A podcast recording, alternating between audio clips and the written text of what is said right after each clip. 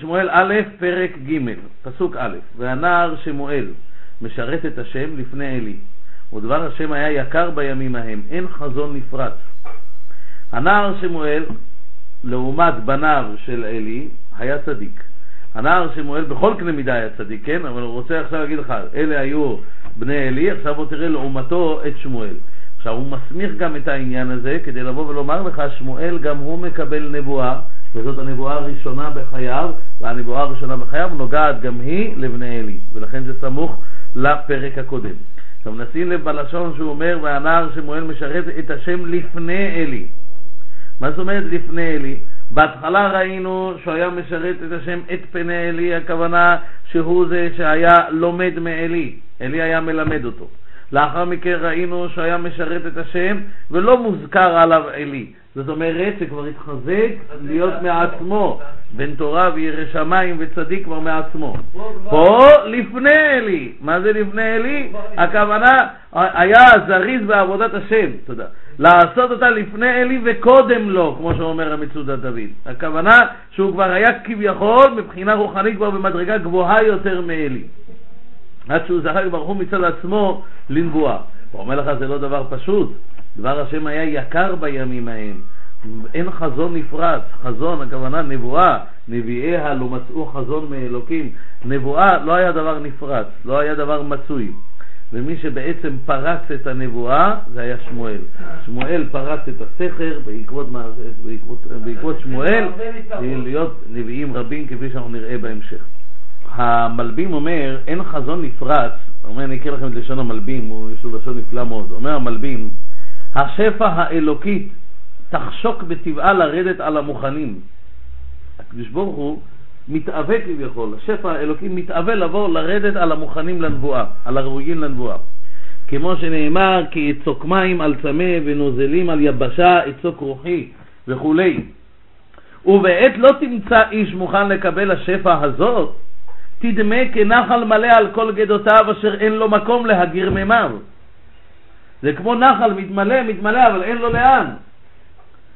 שאז עת יימצא פרץ קטן, רק אם יהיה איזושהי פרצה, יפרוס נחל מעינגר בשטף כביר ובכוח חזק, וימלא כל אפיקיו סביב, וימלא בקעות ושדות. וכן, אחר שאין חזון נפרץ, רצה לומר שהשפע המאמך הזה האלוקית לא מצאה פרץ, אין פרץ כדי להוציא את כל הנחל השוטף הזה שרוצה לצאת, לשטוף ולהגיר שפע מימי הקודש. העת מצאה פרץ קטן שהוא שמואל, שהיה מוכן אל השפע, אז בעט הוא, דהיינו בא אליו, פתאום בשפע רב, עד נזלה גם סביביו. והגיע בכזה שפע רב, עד שזה הציף את הכל, גם מסביביו.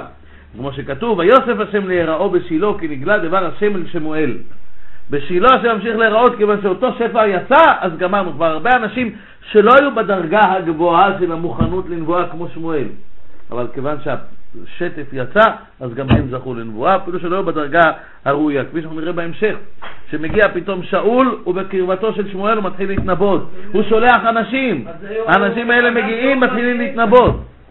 אתה רואה שכאשר היו מגיעים אל מקום השפע, היו זוכים גם הם, לא מצד עצמם. ויהי ביום ההוא ואלי שוכב במקומו, ועיניו החלו כהות, לא יוכל לראות. ויהי ביום ההוא ואלי שוכב במקומו. מה פירוש ואלי שוכב במקומו? חז"ל, שים לב, בפשט הכתובים זה מיותר. ואלי שוכב במקומו, ועיניו החלו כהות, לא יוכל לראות. מה, מה אכפת לי? אלי שוכב במקומו, שוכב שלא במקומו. למה הפרט הזה חשוב לנו? אומרים חז"ל, בא לרמז לנו שזה לא מדברים כאן רק על השכיבה הפיזית, אלא אומר לך שהאלי שוכב במקומו, דהיינו, לא שכב בהיכל השם. אצל שמואל אנחנו נראה שכתוב עליו שהוא שוכב בהיכל השם, כשאין הכוונה כפי פשוטו, כפי שנראה בהמשך, אבל ודאי בא לרמז שכל מחשבותיו ורעיוניו הם בהיכל השם. לעומת זאת, אלי כבר לא היה בדרגה הזאת, אלא הוא שוכב במקומו. אין מחשבותיו ורעיוניו בהיכל השם, בדיוק כך. כן, אין מחשבותיו בענייני הקודש, ההיכל, הארון, אלא שכב במקומו הגשמי, הלך לישון. עבודת הכהן, אומר המלבים, הרי לשמור את המקדש.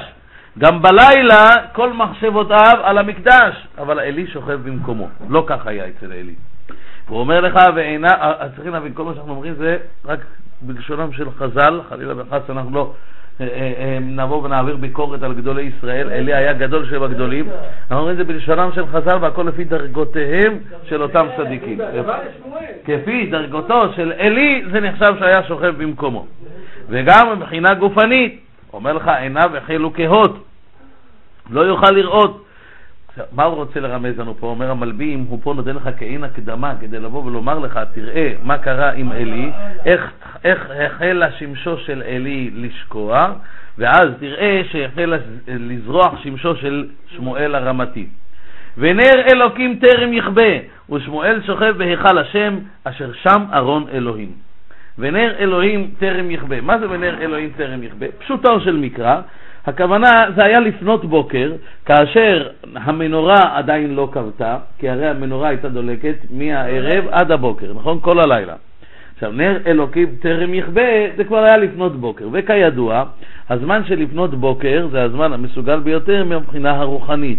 מתחיל, כמו שכתוב בספרים הקדושים, מתחיל להתנוצץ אור החסדים.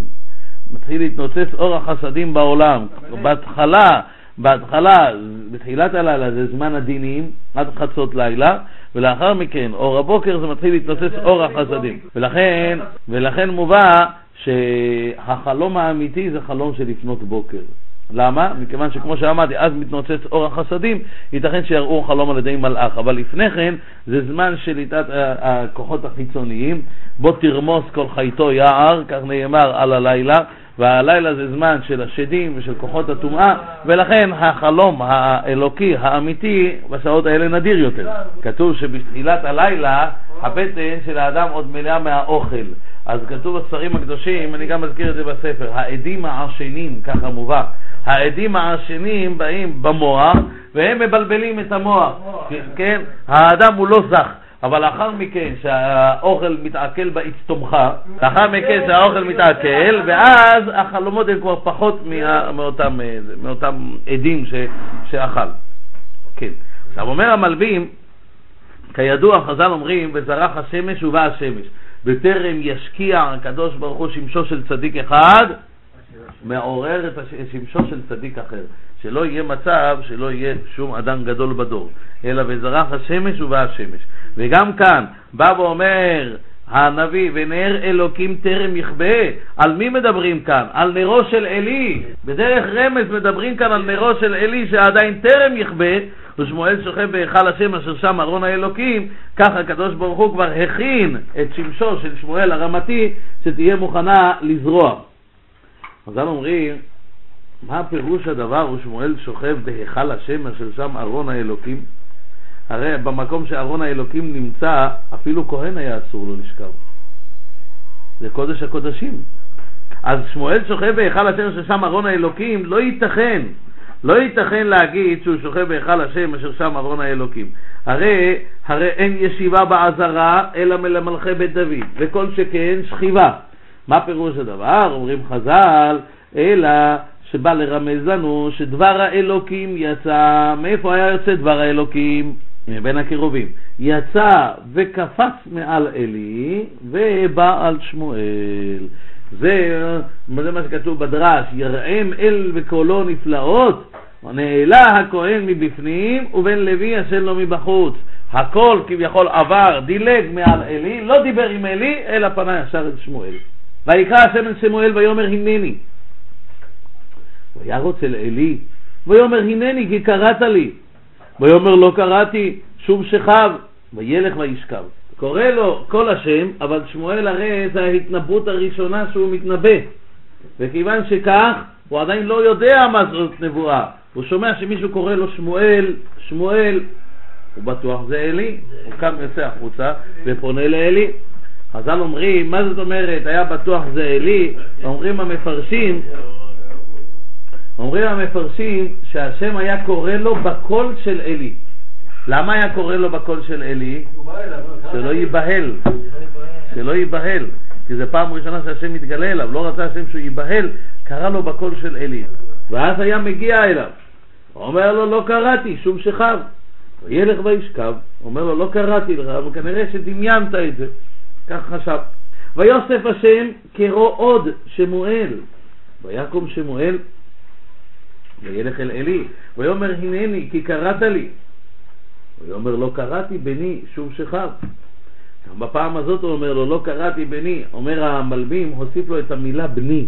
למה הוסיף לו את המילה בני? כיוון שפה עלי כבר התחיל לחשוש, אולי פה מדובר באמת בנבואה. אבל, הרי כידוע, אחד הדברים המתנגדים ביותר לנבואה זה העצבות. הדרך לזכות הנבואה זה רק על ידי שמחה, אבל הוא חשש שפה מהצער שלו, שהוא לא יודע מי קורא לו, אז מהצער הזה הוא, הוא יפסיד את הנבואה. לכן הוא אומר לו בלשון חיבה, בני, שוב שכב, שלא יתעצל. הוא רוצה לבדוק האם הוא ייקרא שוב. ושמואל טרם ידע את השם, וטרם יגלה אליו דבר השם. שמואל טרם ידע את השם, דהיינו לא היה לו ידיעה מבית רבו בענייני אלוקות, הוא לא ידע איך מתקבלת הנבואה, וגם טרם יגלה אליו דבר השם. עדיין הוא ודאי לא ידע מהניסיון שלו עצמו, כיוון שכך הוא לא הבין מי זה הקורא לו. ויוסף השם כראש שמואל בשלישי, ויקום וילך אל עלי ויאמר הנני כי קראת לי. ויבן עלי כי השם קורא לנער. תראו שמואל לא התעצל, פעם שלישית, פעמיים הוא ראה שזה לא הוא. הוא לא התעצל, פעם שלישית חשב אולי הפעם זה הוא. לכן הוא בא ומגיע ואומר לו, ויבן עלי כי השם קורא לנער. הוא הבין שעלי מבין שהשם קורא לנער. עכשיו לכאורה, ויאמר אליו עלי לשמואל, לך שכב, והיה אם יקרא אליך ואמרת, דבר השם כי שומע עבדיך. וילך שמואל וישכב במקומו. מה זאת אומרת וישכב במקומו? המלבים אומר שהכוונה במקום הרעיוני ששכב בתחילה, ושמואל שוכב בהיכל השם, רעיוניו על היכל השם, הלך ועוד פעם מתרכז באותם רעיונות נשגבים של היכל השם, לחשוב רק על ענייני הקדושה. ויבוא השם ויתייצב, ויקרא כפעם בפעם שמואל, שמואל. פה כבר קוראים לו פעמיים.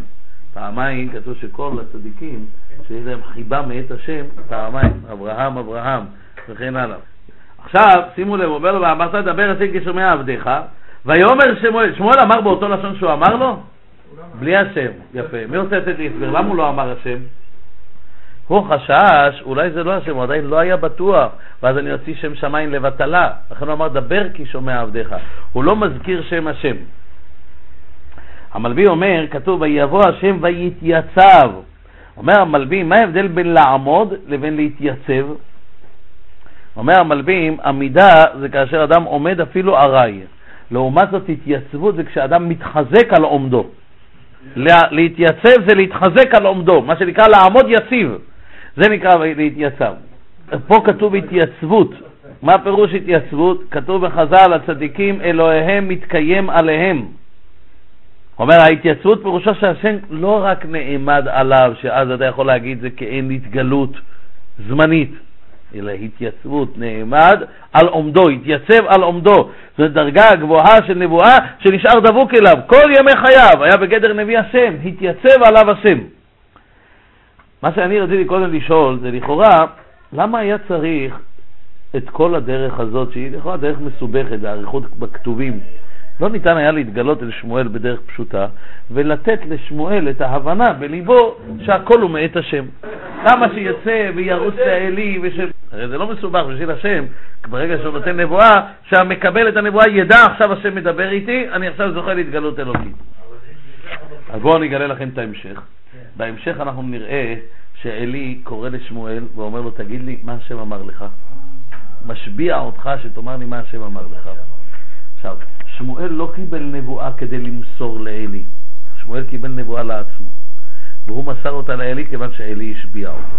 ועכשיו הוא רוצה לבוא ולומר לך, איך השם דאג שהדברים יגיעו לאוזני אלי?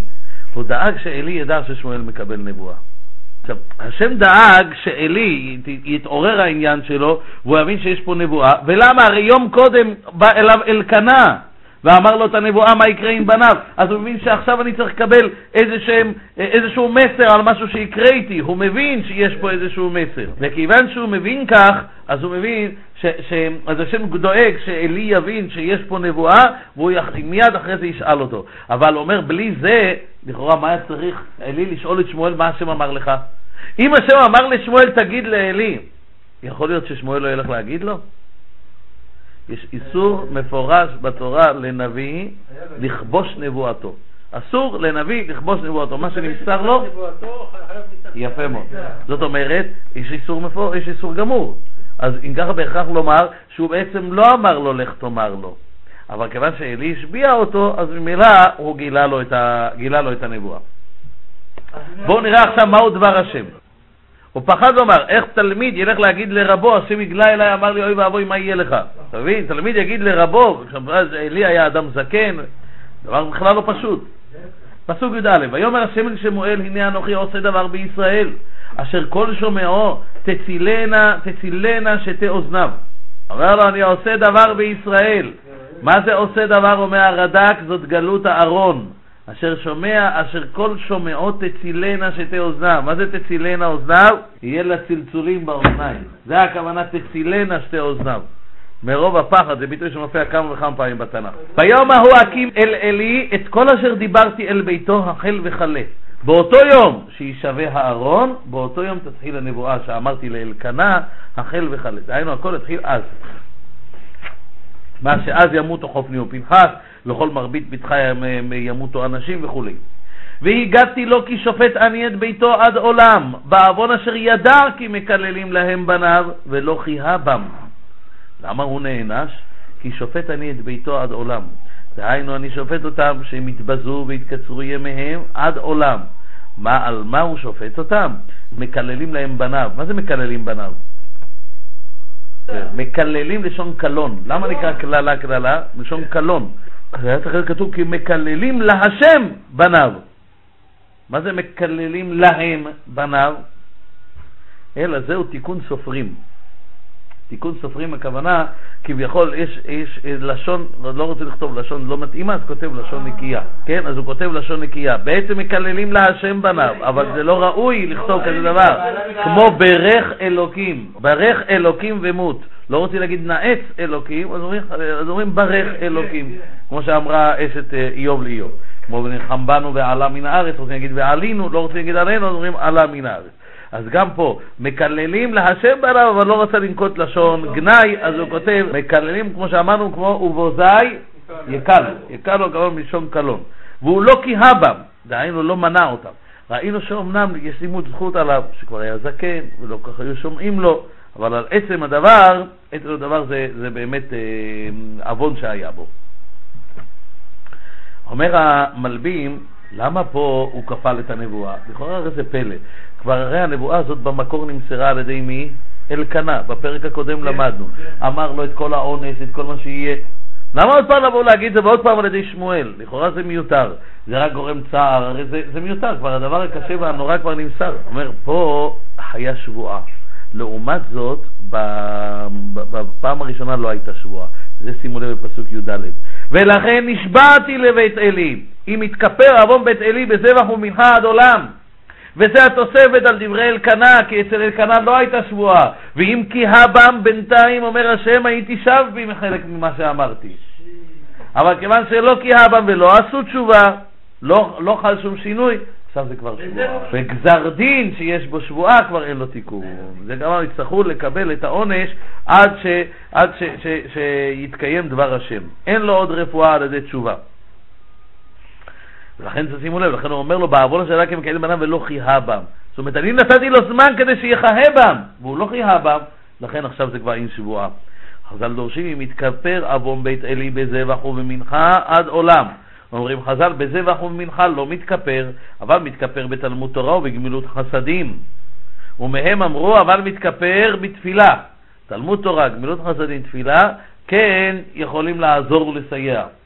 כן יכולים לגרום שיתארכו ימיהם, ככה הגמרא אומרת, אביי, מי שם אביי ורבא, כן. שבאו מבית עלי, הגמרא אומרת ש, שרבא שעסק בתורה וגמילות חסדים, אה, כן, האריך ימיו, ואביי שעסק בתורה בלא גמילות חסדים לא זכה לאריכות ימים. שימו לב, כתוב כאן, לכן נשבעתי לבית עלי, מתכפר עוון בית עלי בזבח ומנחה עד עולם. למה באמת לא יתכפר עוונם בזבח ומנחה? אין קטגור נעשה סנגור. מי שמבזה את הבגדים לא נהנה מן הבגדים, ומי שמבזה את הזבח והמנחה לא יתכפר בזבח ומנחה. לכן הדרך היחידה זה תורה, תשובה, גמילות חסדים, תפילה, אבל זבח ומנחה כבר לא יכול לעזור להם. וישכב שמואל עד הבוקר, ויפתח את דלתות בית השם, ושמואל ירא מהגיד את המראה אל עלי. שמואל לא אומר לו את זה תכף בלילה, כי הוא שכב עד הבוקר, המשיך, חזר למיטתו. ולא כאשר הוא קם ופתח את דלתות בית השם. למה הוא פותח את דלתות בית השם? לוי. מה תפקידם של הלוויים? משוררים ושוערים, נכון? הוא היה מן השוערים, פתח את דלתות בית השם, זה היה תפקידו של הלוי. הוא ירא מי יגיד את המראה אל אלי, ויקרא אלי את שמואל ויאמר שמואל בני, ויאמר הנני. הוא הבין שהיה פה איזה חיזיון אליו, ולב יודע המרת נפשו, אומר המלבים.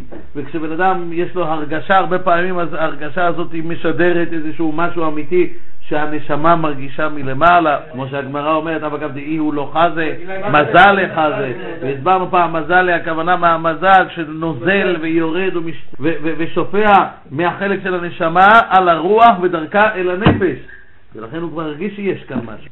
ויקרא אלי את שמואל ויאמר שמואל בני, ויאמר הנני. ויאמר מה הדבר אשר דיבר אליך? אל נא תכחד ממני. כה יעשה לך אלוהים וכה יוסיף אם תכחד ממני דבר מכל הדבר אשר דיבר אליך. מה זה כה יעשה לך אלוהים וכה יוסיף? אומרים חז"ל, אומר רש"י, אמר לו כאותה קללה עצמה, שלא יהיה לך בנים הגונים. כך יעשה לך אלוקים וכה יוסיף אם לא תאמר. הוא לא אמר לו איזה חלילה שזה יחול עליו. הוא אמר לו, אם אתה לא תגלה לי, אז יהיה לך כאותו דבר עצמו. חז"ל אומרים, כי לילת חכם אפילו על תנאי היא באה, ולכן לשמואל גם כן היו שני בניו שלו, שני בנים שלו הלכו בדרכיו. ויגד לו שמואל את כל הדברים ולא חפד ממנו, ויאמר השם הוא הטוב בעיניו יעשה. ויגד, מה זה ויגד? דיבור קשה, קשה כגידים, זרים קשים, ולא חיחד ממנו, לא הסתיר. ויאמר, עונה לו על זה אלי, השם הוא הטוב בעיניו יעשה, מצדיק דין שמיים. עכשיו שימו לב, הוא הבין שיש פה שבועה, אז הוא הבין שאין מה לעשות. אז מה יש לעשות? להצדיק דין שמיים. וידום אהרון. השם הוא הטוב בעיניו יעשה. ויגדל שמואל והשם היה עמו לא ולא הפיל מכל דבריו ארצה. השם היה עמו ושמואל היה נביא, לא הפיל מכל דבריו ארצה, מעולם לא אמר דבר שלא יתקיים. כל נבואות שמסר, הכל היה אמת לאמיתה, הכל התקיים. ובעקבות זה, וידע כל ישראל מדם ועד באר שבע, כי נאמן שמואל לנביא להשם. נביא הרי לא היו מקבלים אותו כנביא עד שלא היו עושים לו בחינות, נכון? אומרים לו, תגיד מה יקרה בעוד יומיים, מה יקרה בעוד שלושה ימים, בודקים, רואים אם זה יתקיים, כך פעמיים ושלוש, עד שעל פי זה יודעים שבאמת הבן אדם הזה ראוי לנבואה, ראוי להיקרא נביא. וגם זה, אם פעם אחת הוא טעה או אמר משהו לא מדויק, מפטרים אותו. פה הוא אומר לך, לא, לא, לא הפיל מכל דבריו ארצה, ידעו מדם ועד באר שבע, אף אחד לא ניסה אותו יותר. היה ברור דבריו, אמת להשם. ויוסף השם להיראו בשילה, כי נגלה השם אל שמואל בשילה בדבר השם. כמו שהסברנו קודם, כיוון שהנחל הזה עלה על גדותיו, אז השם מוסיף להיראות בשילה, הנחל הזה כבר שטף, החזון החל להיות נפרץ, ובעקבות זה גם אנשים שלא היו בדרגה הגבוהה של קבלת נבואה, זכו גם הם לקבל את הנבואה. עד